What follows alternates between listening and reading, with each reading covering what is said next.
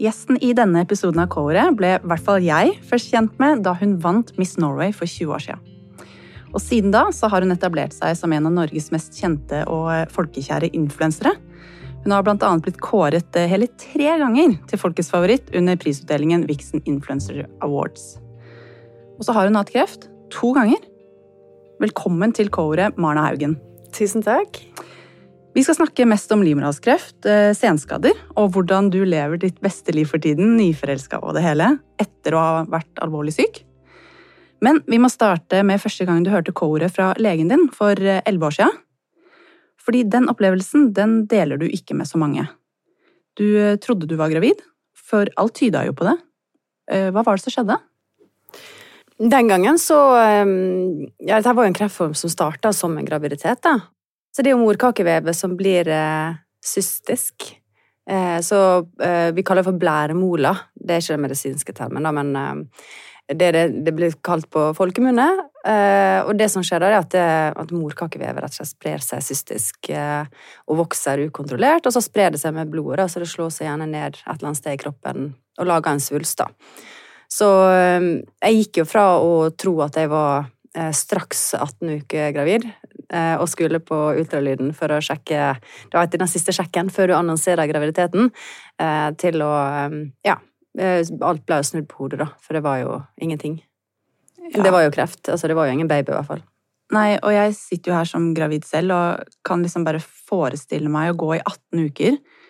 Tro at Eller når graviditetstesten da også viser positiv, for gjorde, det gjorde den jo for din del, fordi det er vel noe HCG ja, morkaka produserer jeg jo HCG, så jeg var, jo, jeg var, jo, veldig kvalm. Og jeg hadde jo mage, og Så alt var jo på en måte Og jeg tenkte yeah, det er jente, for da blir du kvalmere. Så, men så viser det at jeg var jo bare HCG-forgifta. Eh, så jeg hadde jo ekstremt høye verdier, så det var jo ikke rart at jeg var dårlig. Og HCG det er rett og slett et eh, graviditetshormon som eh, skilles ut av bl.a. morkaka, og som gjør at en hjemmegraviditetstest slår ut positivt. Ja.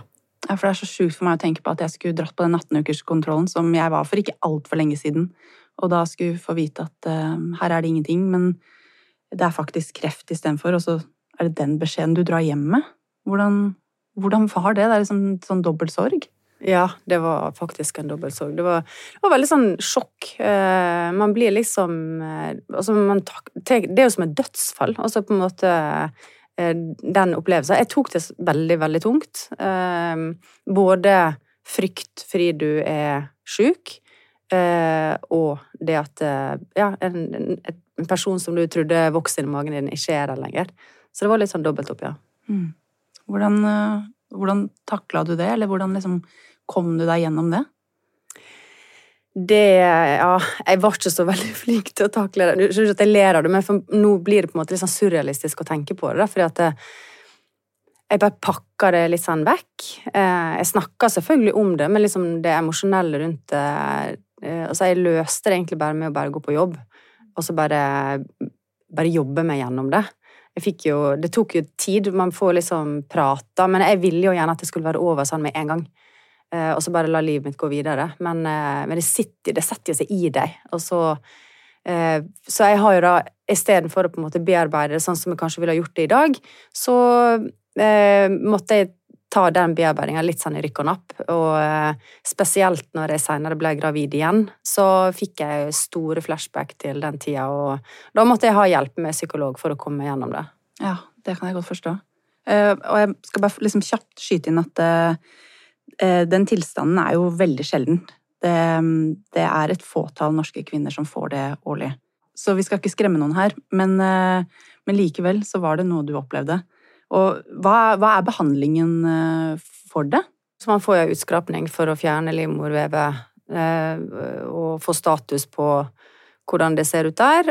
Og så er jo det da blodprøvetaking ukentlig for å sjekke at HCG-en synker sånn som den skal. Eh, og den skal da ned på null. Eh, og for min del så sank den eh, kjempefint, og så plutselig så begynte den å stige igjen. Og da hadde jo det gått halvannen måned, kanskje. Der jeg hadde gått liksom jevnlig og på en måte tenkt at dette her går etter veien. Så får vi da den kontrabeskjeden at nå er det stigning i HCG, og da vet vi at det er en svulst et sted. Ja. Den fant jeg i buken på utsida av livmor. Så, eh, og da ble det behandlingsforløpet deretter. Det var jo da eh, cellegift for å bryte ned det vevet for å få det, for å få det vekk, da. Ja. Så ble jeg værende på sykehuset da, den første uka, da. Og eh, etter det så var det da inn på, inn på sykehuset å få sprøyte en gang i uka. Og så løp jeg rett på jobb. Jeg tror, jeg tenk, I ettertid så tenker jeg at jeg burde egentlig tatt meg mer fri og være hjemme og slappe av, for jeg blir utrolig sliten av den behandlinga. Men jeg klarte ikke det. Jeg var på et sånt sted der jeg bare Jeg trengte å ha andre ting å gjøre. og så jeg overkjørte meg sjøl, men eh, av respekt av psyken min, så tror jeg kanskje Jeg tror ikke jeg hadde klart å gjort det på noen annen måte. Altså Hvis du kunne gått tilbake, hadde du gjort noe annerledes da? Hvis jeg går tilbake der nå, så Og det sa jeg til meg sjøl etterpå, at eh, hvis jeg noen gang får kreft igjen, da skal jeg slappe av. Da skal jeg på en måte tillate meg å være sjuk, tillate meg å hvile og tar det med ro eh, under behandlinga. Og heldigvis så gikk det jo bra. Og du ble gravid igjen kort etter. Da hadde du også en sønn fra før. Ja. Men hvordan i alle dager var de ukene der? Fra du eh, ser at uh, igjen så er det en positiv graviditetstest, og de ukene før du liksom faktisk kan dra på ultralyd og se at det er et foster der? Ja, det var litt spesielt. Uh, man får jo Det første som skjer, er at du får jo litt sånn flashback til, eh, til det du var gjennom et år før. Men likevel, etterpå, så Det var jo ikke sånn at jeg da Yeah, hurra, jeg er gravid igjen. Det satt veldig langt inne. Eh, å gå ut med den graviditeten. Så eh, jeg jobba jo på den tida med blogg og sosiale kanaler, og, så jeg var jo nesten fem måneder gravid før jeg sa noe. Så jeg hadde jo veldig stort behov for å holde det for meg sjøl og på en måte bearbeide det. Eh, jeg hadde ikke lyst på spørsmål fra folk. Eh, liksom, jeg trengte virkelig den tida da, til å eh, Ja, på en måte akseptere Ikke akseptere Jeg ville jo være gravid, men, men, på en måte kroppen min reagerte veldig sånn hardt mot det. da. Så det tok jo litt lengre tid før man på en måte embracet graviditeten og kjente på denne her lykkefølelsen som du hadde første gang. Mm. Eh, det, det, satt Ja, det tok ganske lang tid før jeg på en måte slappa av da, og slapp ned garden min da, på at ja. ting er ok. Ja, det kan jeg godt forstå. Og så gikk det jo bra hele veien, da, i, eh, i ni måneder. For Dexter kom i 2014. Eh, ja, det var litt mer enn ni måneder, faktisk. Han var veldig treig med å komme ut. Ja, det gikk over tida. to uker. Ja, deilig. Men så, eh, to år etter det igjen, eh, så får du konstatert celleforandringer på livmorhalsen. Og celleforandringer er jo ganske vanlig. Eh, og i de aller fleste tilfeller ved lette celleforandringer så går det gjerne tilbake av seg selv. Eh, mens dine celleforandringer var mer alvorlige, og du måtte fjerne en liten del av livmorhalsen. Um, kan du fortelle hvordan det foregikk? Uh, ja, og så jeg måtte ha en sånn konisering, uh, som er Og jeg har hatt uh, to koniseringer, og liksom første gangen så syntes jeg det var litt sånn ubehagelig, fordi at Ja, med historikken med, med den kreften jeg hadde hatt, da, så på en måte så hadde jeg veldig sånn Jeg syntes det var veldig skummelt eh, Eller sånn Jeg fikk jo lokalbedøvelse første gangen. Eh, og, og det Jeg vet ikke, kroppen min reagerte veldig på det sånn psykisk, da. Eh, så andre gangen jeg hadde kondensering, så fikk jeg faktisk narkose. Bare for jeg skal slippe liksom den Det er jo, det er jo en veldig Inngrepet er superenkelt. De går inn med sånn slynge, bare tar bare bort litt vev. Eh, så, men kroppen min var litt sånn traumatisert, da, sånn at det, eh, da var jo sykehuset veldig greie og sa liksom at du skal få slippe liksom å stå i det her, det er ikke nødvendig. Så, eh, så da ble jeg lagt i en sånn lett søvn, da. Jeg opplevde ikke noe sånn dramatisk utover det. Jeg på en måte tenkte på dette her veldig sånn objektivt og tenkte liksom ja ja, da må det gjøres, ok, da er det fiksa. Og så går jo livet mitt videre. Så på det tidspunktet så hadde ikke jeg noe uro rundt det eller noe sånt. Det var liksom bare noe i kalenderen som skulle ordnes. Mm. Og det at det var celleendringer, tenkte du noe lengre sånn utover på akkurat det, eller var det litt sånn ja, nei, det vet vi jo kan, kan skje? Ja, jeg hadde egentlig ganske rolig forhold til det. Ja. Jeg var egentlig bare litt så irritert over at jeg måtte, måtte gjøre det. Og så Litt uro, kanskje, men på en måte, man er jo liksom flink til å Jeg er jo i hvert fall flink til å være liksom objektiv, da. Og når du har vært gjennom verre ting før, så blir dette her egentlig ganske lite. Eh, så eh, Ja, den uroa som måtte være rundt det, den på en måte pakka jeg kanskje litt sånn vekk, da. Og så gikk du jo til jevnlige kontroller etter det, men så glapp det på ett tidspunkt. Hva var det som skjedde da? Ja, eh, jeg hadde jo den kondisering nummer to, og etter den så var jeg inne til en kontroll, og da, da var jeg på en måte ferdig behandla, ifølge sykehuspapirer. Men den siste celleprøven jeg hadde, der hadde ikke jeg fått nok vev, så jeg var ikke fornøyd med prøva. Eh, Så de ville egentlig at jeg skulle ta en celleprøve til. Men da var liksom sykehuset ferdig med sin del, så da fikk jeg egentlig beskjed om at eh, det må du ordne sjøl, du må gå gjennom din fastlege og starte på nytt igjen der, da. Eh, og det gjorde jo ikke jeg.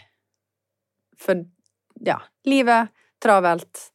Uh, Du setter en ting på huskelista, og den blir liksom dytta lenger og lenger ned. Uh, Så det tok jo uh, Var det 18 måneder eller noe sånt før jeg kom på det?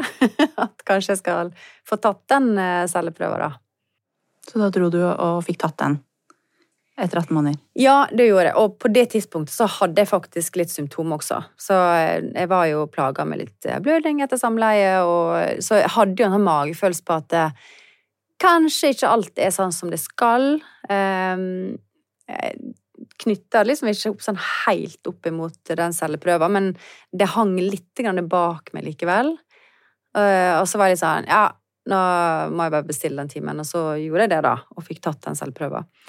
Eh, Men etter det så husker jeg at jeg hadde en liksom magefølelse på at eh, nå tror jeg faktisk ikke at alt er ok. Ja, på grunn av de symptomene. Ja. Ja. Det var litt det, og så hadde jeg en litt sånn indre uro rundt det, da. Men man pakker det fra seg likevel, for det skjer jo så mye i livet, sant, og, og da eh, Man sto jo i mye i hverdagen, og på en måte Ja, prioriteringene blir liksom Det er alltid man rekker å kjenne etter sitt eget liv, da, liv, eller sin egen eh, helse og fysikk når livet er travelt. Mm, for det er jo sånn at uh, livmorhalskreft ofte ikke gir symptomer i starten. Eh, så derfor er det så viktig at man følger livmorhalsprogrammet og tar jevnlige prøver. Da vil som regel celleforandringer oppdages før de utvikler seg til kreft. Akkurat sånn som du gjorde. Men hvis du får symptomer, så skal du gå til legen, selv om du har tatt alle prøvene dine. Og så vet jeg at du er veldig opptatt av at andre skal vite hvilke symptomer de bør være obs på. Ja, jeg får veldig mye spørsmål om det fra andre kvinner. For liksom hver gang jeg snakker om, eh, om kreft eller kreftbehandling, eh, hva det nå måtte være, i mine sosiale kanaler, så får jeg veldig mye spørsmål inn om, om hva symptom hadde du, eh, hvordan merka du det, hvordan visste du det? Og det er jo gjerne kvinner som er eh, som kanskje skal til å ta en celleprøve sjøl, eller de har tatt en celleprøve, eller de vurderer å ta det. Um, men jeg kan ikke gå ut og fortelle folk hva symptom som er riktig og feil. Så det har alltid vært veldig veldig forsiktig. Så det at jeg sier det her nå, er faktisk første gang jeg helt tatt sier det. For jeg har virkelig ikke lyst til å liksom verken skremme noen eller eh, Det viktigste er at man lytter til kroppen sin, og at man går til legen hvis man føler at noe er feil. Mm. Og ikke vente. For guds skyld, ikke vent. det er bedre å gå til legen en gang for masse eller en gang for lite. Det du sier der, det er så viktig, og jeg syns egentlig vi bare skal ta de symptomene med en gang, for jeg har de her. Og det er blødning fra skjeden etter samleie eller fysisk aktivitet, blodig og illeluktende utflod, uregelmessig menstruasjon, blødning etter at du har passert overgangsalder og menstruasjonen har stoppet, eller smerter i underlivet, i magen eller i korsryggen. Plager som det, det bør du gå til lege med hvis de varer i mer enn tre uker. Det behøver absolutt ikke å bety kreft, men det er best å få en gynekologisk utredning og få det sjekka. Men tilbake til din livmorhalsprøve som du tok etter 18 måneder. Hva var det den viste? Nei, da får, jeg får jo telefon, og da er jo jeg i bilen på vei til Sunnmøre. Eh, for jeg har hatt en litt sånn stressa periode, så jeg skal opp dit eh, og slappe av litt. Så jeg skal ha tatt meg ei uke fri. Eh, tatt med meg yngstemann. Eh, vi sitter i bilen og på vei over Strynefjellet, og det er nydelig vær, og vi har tatt fine bilder, og liksom sånn. Og så ringer legen min da og spør hvor jeg er hen. Veldig raskt spørsmål. Jeg bare «Eh, Du, jeg er i bilen. Og hun bare Ja, kan du ringe meg tilbake når du er fremme? Jeg bare, det er mange timer til jeg er fremme. Altså, kanskje vi tar det nå? Uh, nei, jeg vil helst snakke med deg når du ikke kjører bil. Og jeg bare OK, skal jeg dø, eller? Og hun bare så tror jeg hun hørte seg sjøl. Altså, hun sa liksom at eh, nei da, du, du, dette her går helt fint, eh, det kommer til å gå bra, men jeg vil gjerne snakke med deg når du er i ro og fred, sånn at vi får snakka ordentlig. Ja, å herlighet. Så hvordan, hvordan, var de timene i bil da, når du vet at du må ta en telefon når du kommer fram? Det blir litt sånn eh, Jeg vet ikke, man, man får noe her Man innser liksom Nå er det noe som kommer til å skje. Og en får liksom ikke sånn panikk. Ikke sånn katastrofefølelse, men man får liksom denne her eh, Du veit. Nå veit du at det er noe, da. Du veit bare ikke hva. Vi er jo sikkert skrudd sammen, vi mennesker, at på en måte man Vi er jo i stand til å ta imot ekstremt masse, men jeg har bare ikke lyst. og uh, ja. Det var ikke noen hyggelig biltur, men eh, jeg måtte jo liksom Jeg hadde jo barna i bilen og, og måtte dra på et smil. Vi stoppa og kjøpte boller der vi hadde planlagt det, og tok de tissepausene vi skulle ha, og fulgte med på vei når jeg kjørte. Altså, du må jo bare gjøre det. det jo, man har liksom uante krefter på lager, da. Mm. Og så kommer du frem, og du får ringt legen din, og hva er det legen sier da? Den eh, legen hun, eh, hun, svarte meg med en gang, og så er det da Bare da følte jeg at det, det, at en lege har telefon tilgjengelig på den måten, er jo litt sånn Man får litt sånn følelser rundt det.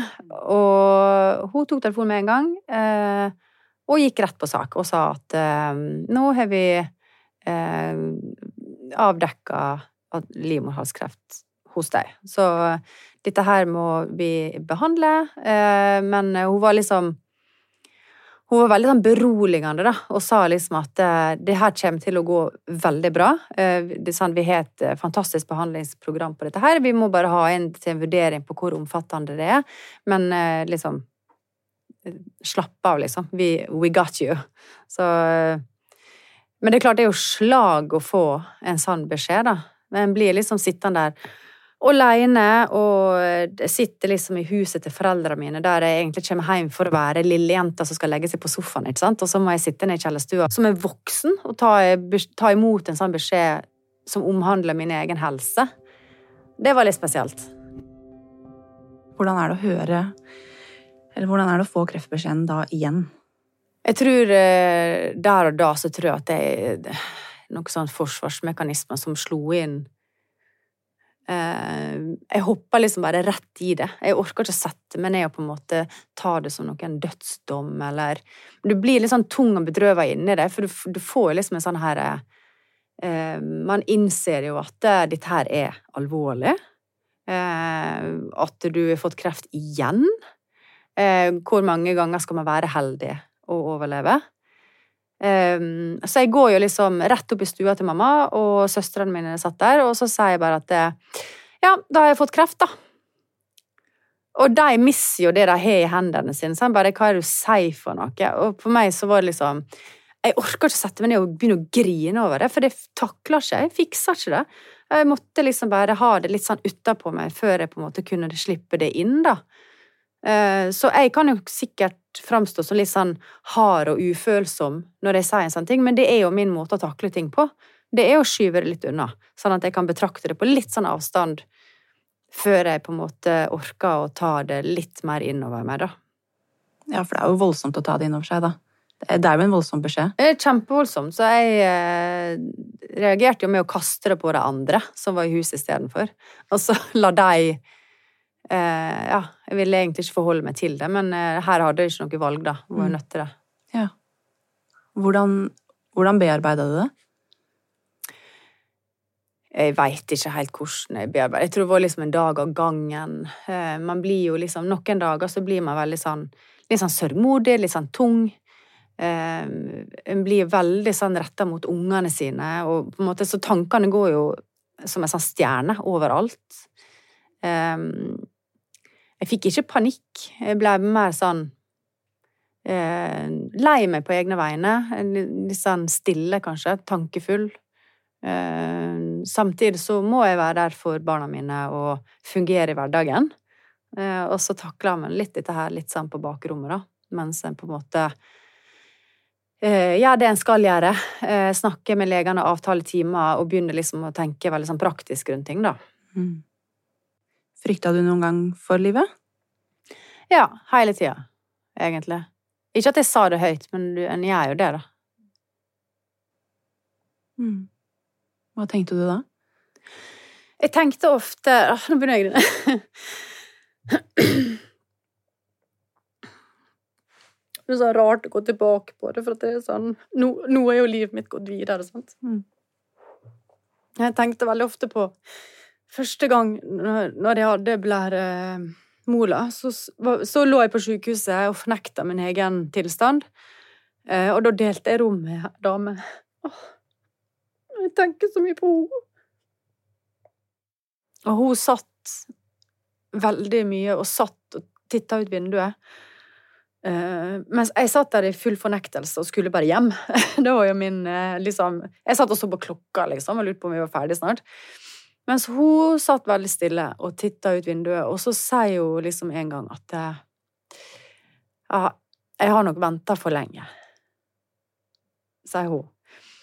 Og jeg aner ikke hvordan det gikk med henne den gangen, for jeg dro hjem så fort jeg kunne. Men eh, nå var jeg litt sånn i samme situasjon sjøl, da. Og det, åh.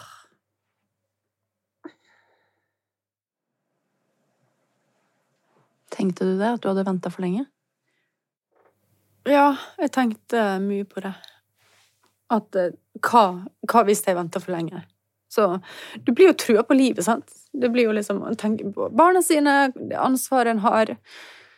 Uh, ja. Men jeg viser jo ikke Jeg sier jo ikke det til så mange, da. Jeg går jo veldig mye med det sjøl, og ehm, Og min måte å takle det overfor andre er å kanskje bli litt sånn ikke så veldig sårbar. For jeg takler ikke å være sårbar overfor andre, for at da, da blir andre lei seg, og andre redde.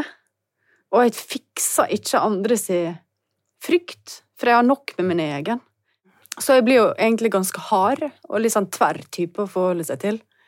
Som kjefter på folk, og litt sånn hvis ikke ting går sånn som det skal. Og... Men ikke barna mine. De var jo veldig sånn, det var der jeg flokka oss, da. Så jeg ville bare være med ungene. Og så ga jeg egentlig faen i alt annet. Det var litt sånn uh, Ja. Det var sånn det var. Fant du hjelp i, i noe? Var, var det noe som hjalp deg? Jeg skrev veldig mye. Eh, Jeg blogga jo eh, gjennom hele forløpet, så liksom Det var ikke at jeg var så veldig ivrig på å blogge, men nå og da så fant jeg noe sånn stille rom der jeg Eller stille tid der jeg eh, skrev. Så jeg skrev mye, så kalte jeg liksom for skriveterapi. Eh, Og da fikk jeg liksom ut veldig mye, da. Og så fikk jeg også veldig mye I og med at jeg var jo åpen om kreftbehandlinga, så eh, så får jeg veldig mye meldinger inn fra andre som er i samme situasjon, har vært i samme situasjon. Um, jeg opplever veldig at de ikke er alene. Du føler deg veldig ensom likevel. Men det var veldig sånn Den, den communityen som jeg skjønte var der ute, da, den var egentlig veldig, veldig, veldig fin å ha. Andre sine erfaringer, andre sine opplevelser. Det, det ga meg veldig mye eh, ja, støtte. Så det å være åpen på bloggen, det, det hjalp litt, da? Ja, det hjalp meg veldig. Mm. For eh, jeg visste at det jeg delte, var til hjelp for andre. Og samtidig så delte andre eh, sin støtte til meg. Eller sine historier, sine erfaringer. Um, så for meg så ble det veldig sånn Jeg følte meg mye mindre aleine, da. Sjøl om jeg på en måte Det var jo jeg som stengte ut mye venner, mye familie, som liksom ikke fikk liksom tilpass på mine, mine følelser og min, hvordan jeg hadde det inni meg, da. Men der fant jeg det. Den støtta som jeg kanskje trengte. Mm. Og det var kanskje ingen andre som kunne ha gitt det til meg, for jeg var ikke mottagelig. Ja, Ikke sant? Det var det som var riktig for deg. ja det var det. Og sånn Jeg har jo verdens beste mamma. eh, Og om det er noe hun vil, så er det å være der for meg. Men jeg fiksa ikke at hun ble lei seg, at hun ble redd. Jeg orka ikke å se det, for jeg hadde så nok med mitt eget, så jeg frøys jo vekk. Eh, eller stengte jo ute liksom de som var nærmest meg, da. Så det var kanskje lettere for meg å forholde meg til andre, andre kreftsyke. Mm. Fordi at vi på en måte hadde denne her forståelsen, da. Mm. På hva vi sto i. Ja. Har du og mammaen din prata om det i ettertid? Vi har snakka litt om det, og hun har fortalt meg hvordan hun har hatt det, men jeg er ennå ikke helt klar for å ta vare på henne. Men, eh, men vi Jeg veit hvordan hun hadde det, for det har hun sagt til meg, og det er jeg veldig glad um, Men uh, Ja. Det, det, er på en måte hennes historie. Mm. Den dag i dag. Jeg orker ikke å tenke på hva hun gikk gjennom. For når det at dine egne barn blir syke Jeg kan ikke tenke meg noe verre enn det. Jeg tror ikke jeg klarer å ta det inn, egentlig. Så jeg tenker, det har jeg sagt jo, at det må du ta med noen andre. Jeg, unnskyld. ja. Mm. Men det har jo hun, det forstår hun, og det aksepterer hun. Eh, så, ja, så vi er bare enige om at det var veldig vanskelig, og at man var der for hverandre i den grad man kunne gi og ta imot. Ja. Mm. Kan du fortelle litt om behandlingen du gikk gjennom? Ja, jeg hadde standardprogrammet, som eh, var kombinert strålebehandling og cellegift. Og den cellegifta var jo eh, brutal for meg, for den ødela så mye på veien, da. Så jeg ble faktisk tatt av cellegifta siste uka, fordi da fikk jeg ganske heftig tinnitus, og da er jeg veldig redd for at det, det er en bivirkning, da. Så, men da, da, hadde jeg bare ei uke igjen, da, så da ja, slapp jeg den. Da, for jeg var veldig redd for at det skulle bli Um, Få det varig, liksom? Ja. ja. Mm. Eh, og nesten halvparten av alle kreftpasienter får stråleterapi som en del av kreftbehandlingen sin. Og det er rett og slett eh, sterke røntgenstråler som dreper kreftcellene, og dermed begrenser spredningen av kreft. Ja, livmorhalsen blir jo svidd vekk i praksis. Så det høres brutalt ut, da, men det er en måte å få det vekk på, da, og det er jo en uh, veldig effektiv behandling. Men man sitter jo igjen gjerne med litt skade etterpå. Og når eh, jeg på en måte er delt eh, i mine sosiale kanaler, så, så, får jeg liksom inn i alle disse historiene, og jeg skjønner jo at det er veldig mye stråleskade der ute. Mm. Det som kan skje, er at uh, man får sammenvokst arrvev etter stråling. Og det kan man til dels forebygge selv. Hvordan fikk du hjelp til det på sykehuset? Eh, jeg opplevde heldigvis at jeg fikk veldig bra instrukser på sykehuset. For at du får jo eh, Altså etter den strålebehandlinga, så har jo du liksom inni i skjeda, så er det, det er jo sårflate. Så det er jo veldig viktig å, å, at den ikke gror sammen. For du vil ikke ha en sammenvokst vagina. Så man får jo utlevert sånne her dilatorer, heter det. Som man da skal bruke. Og Eh, mine sykepleiere var jo veldig flinke å beskrive hvordan jeg skal bruke dem, og på en måte også fortelle meg hvor viktig det var å bruke dem. For det er jo stråleskada vev, og jeg er jo utdannet hudterapeut, så jeg har jo på en måte sett eh, hud og vev som har vært stråleskada eh, fra gamle kreftpasienter, for eksempel. De hadde jo hud som så ut som sånn, sånn havfrue, sånn fiskeskjell det, nå er jo strålinga mye bedre enn det da, men, uh, i dag, men uh, det blir likevel et skada vev som, som, blir som en sånn type arrvev som er litt sånn hardere enn de slimhinnene som man hadde fra før. Så det er jo, jo bedre man bruker disse her dilatorene, og jo bedre oppfølging man får, jo bedre liv har man etterpå. Mm. Jeg tenker det, det, er veldig viktig med den og Det er sikkert veldig mange som ikke tar disse her rådene på alvor mm. der og da, um, men det er sjukt viktig kjempeviktig at man gjør alt man skal gjøre etter boka, og, og at uh, sykehuset og um, kreftsykepleierne er flinke nok til å være beskrivende nok da, til pasienten da, på hvordan du skal bruke den dilatoren, uh, og hyppigheten, og hvorfor du skal bruke den, mm. ikke minst. Men jeg tenker også at den innsatsen den må du gjøre mens du er på ditt mest sårbare etter en kreftbehandling. Og det er så rett å forstå at noen tenker at de aldri kanskje har lyst til å ha sex igjen. Når, eh, når underlivet er liksom sårt og Eller som et åpent sår, egentlig. Ja, og på det tidspunktet så er jo du pasient. Og når man er pasient, så gir man liksom kroppen sin i hendene til noen andre. Eh, Og det var litt sånn rart, for jeg fikk jo liksom Etter behandlinga på den første kontrollen, så var det det som ble sagt at nå, Mana, nå skal du ta kroppen din tilbake. Og da kjente jeg liksom bare Ja, men det er faktisk Jeg har faktisk gitt den fra meg. For man blir jo liksom bare Ja, bare fiksa bare Du bare er tilgjengelig for veldig mange mennesker som skal gjøre ting med kroppen din. Så man overlater jo den eh, Og nå skal du på en måte ta ansvar sjøl, da. Og man er sjukt sårbar. Man er dårlig, man er, man er sjuk. Eh, og det siste mange kanskje tenker på da, er jo at du har lyst til å bruke en dilator. Fordi at vi forbinder jo det med, med seksuell aktivitet, men det er jo ikke det det er. Dette her er jo bare en ren fysisk um, Et verktøy, egentlig? Det er et verktøy å, ja. for å holde vev fra hverandre slik at det ikke gror igjen. Ja. Ferdig snakka. Mm. Og det skulle jeg kanskje ønske at jeg også fikk en litt tydeligere beskjed om. Fordi det er litt jobb å måtte ta tilbake kroppen sin etter en, en sånn behandling. Ja, det er det. det er en, men det er jo en del av prosessen, da. Du nevnte i stad, Marna, da vi snakka om uh, første gangen du hadde kreft, at du lærte et par ting den gangen. For da lytta du kanskje ikke nok til kroppen din, og du tok det ikke helt med ro. Du liksom peisa på med jobb. Hvordan var det denne gangen? Huska du dine egne råd da? Jeg prøvde. Så, den andre kreftbehandlinga mi var jo mye mer omfattende og intens, og jeg ble jo sakte, men sikkert slått ut av meg sjøl, så jeg hadde jo egentlig ikke noe valg, da. Men jeg er jo en person som av natur stritter imot, så eh, jeg prøvde liksom alle de gode stundene jeg hadde, konsentrerte jeg meg om å gjøre hyggelige, fine ting, fordi det gir meg livsglede. Så, så, jeg gjorde jo en del ting, da, men så måtte jeg liksom hvile veldig lenge etterpå.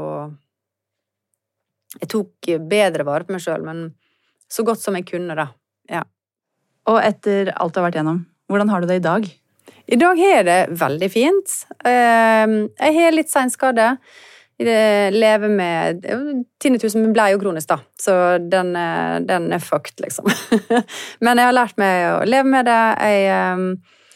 Jeg kjører på, selv om jeg kjenner at jeg burde ta det med ro.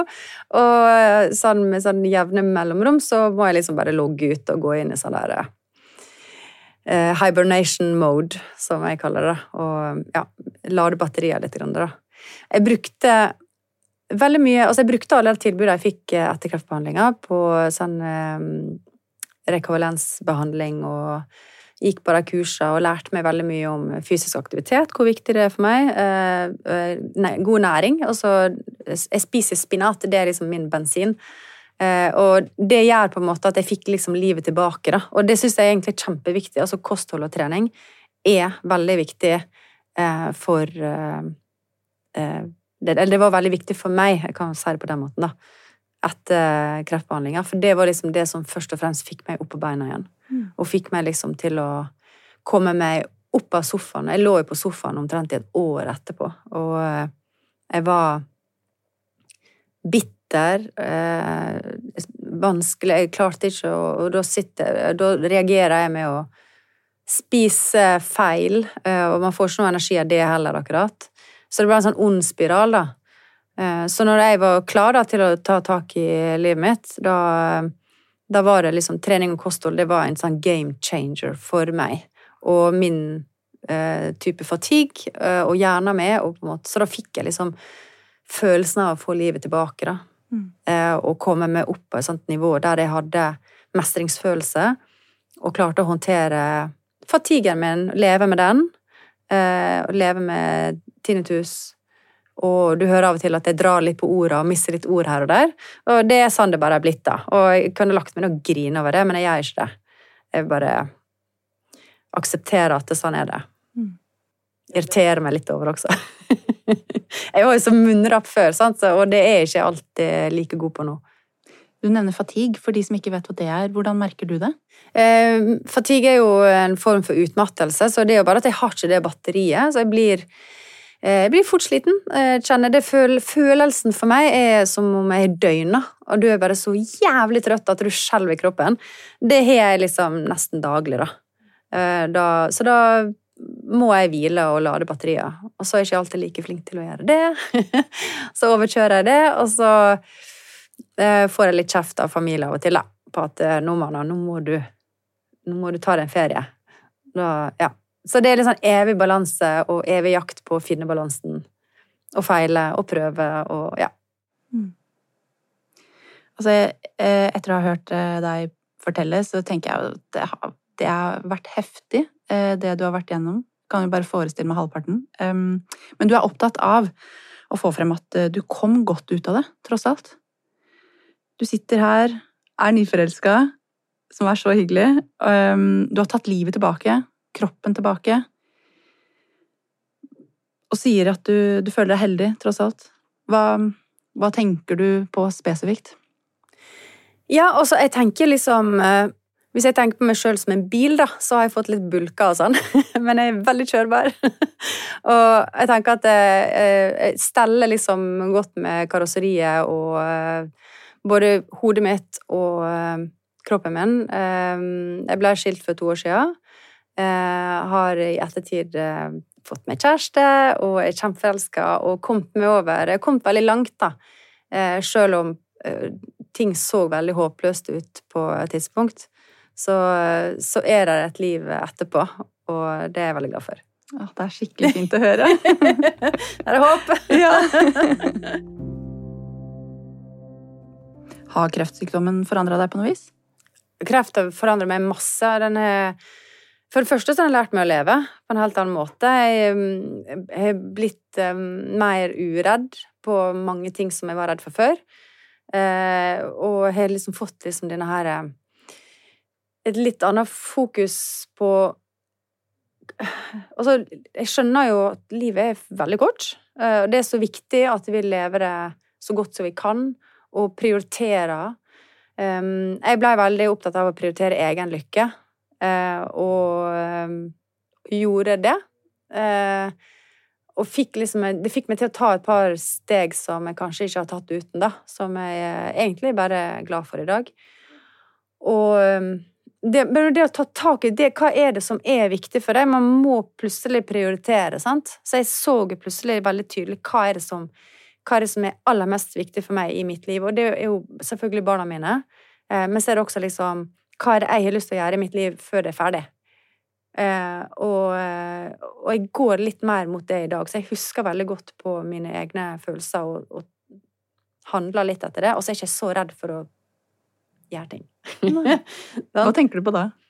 Nei, sånn Jeg er jo høydeskrekk, men i sommer så fløy jeg opp en sånn her 300 meter høy vegg. Jeg holdt jo på å dø underveis, og meltdowns og alt mulig, men jeg gjorde det likevel, da. For jeg trengte å kjenne på den utfordringa og pushe grensene mine litt. Da. Og for frykt er bare en følelse. Det er ikke farlig. Og, liksom, og jeg vil heller sitte igjen etterpå og si at I fucking did it. Og, så, og det gjør jeg nå. Um, og det å ta i jobb, for eksempel Misfornøyd med jobben din, finn en ny. Altså, bare gjør det. Ikke sitt og liksom og nja, eh, drøy på ting som en Ofte så venter man altfor lenge før man eh, forandre på ting da, som kanskje egentlig plager deg. Så sånn ble jeg veldig da, litt sånn opptatt av å skape et godt liv for meg sjøl. Mm. Hva er din egen lykkes med? Nettopp. Mm. Og det er lett å si, men ofte vanskelig å gjøre. Eh, så kreften den liksom dytter meg litt uti det, da. Eh, hva vil du at folk skal sitte igjen med etter å ha hørt denne episoden? Jeg håper liksom at eh, at man kan eh, gi litt håp, da. Og for jeg veit jo sjøl hvor håpløst det kan føles, og hvor forvirrende det kan være, og, og hvor redd man kan være eh, i de ulike prosessene i et kreftforløp. Eh, og så er jo det for veldig mange heldigvis et liv etterpå, som jeg håper at eh, Ja, kanskje noen kan kaste seg litt uti det og skape det beste ut av det. Tusen hjertelig takk for at du ville dele din historie med oss, Marna. Takk. Tusen takk for at jeg fikk komme. Jeg vet at du er opptatt av at alle skal følge Livmorhalsprogrammet, og derfor så har jeg veldig lyst til å avslutte med en oppfordring. Alle kvinner mellom 25 og 69 år oppfordres til å ta livmorhalsprøve hver gang de får en påminnelse fra Kreftregisteret. Og hvis du ikke får denne påminnelsen, så betyr det bare at du eller legen din har huska å ta prøven før påminnelsen blir sendt. Hvis du har symptomer, så skal du gå til legen og be om å bli undersøkt. Uavhengig av alderen din eller når du sist tok livmorhalsprøven. Du kan lese mer om livmorhalsprogrammet og hvilke symptomer du skal ta på alvor på kreftforeningen.no. slash sjekk deg. Du har hørt K-ordet, en podkast fra Kreftforeningen. Vi jobber for at færre skal få kreft, at flere skal overleve kreft, og få bedre livskvalitet for pasienter og pårørende. Du kan lese mer om arbeidet vårt og hvilke tilbud vi har til deg på kreftforeningen.no. Der finner du også rådgivningstjenesten vår om du trenger noen å snakke med etter å ha hørt denne episoden. K-ordet er produsert av Gjenklang for Kreftforeningen. Produsent for Gjenklang er Christian Konglund. Produsent for Kreftforeningen er Birgitte Hoff Lysholm. Og jeg heter Sandra Christiansen.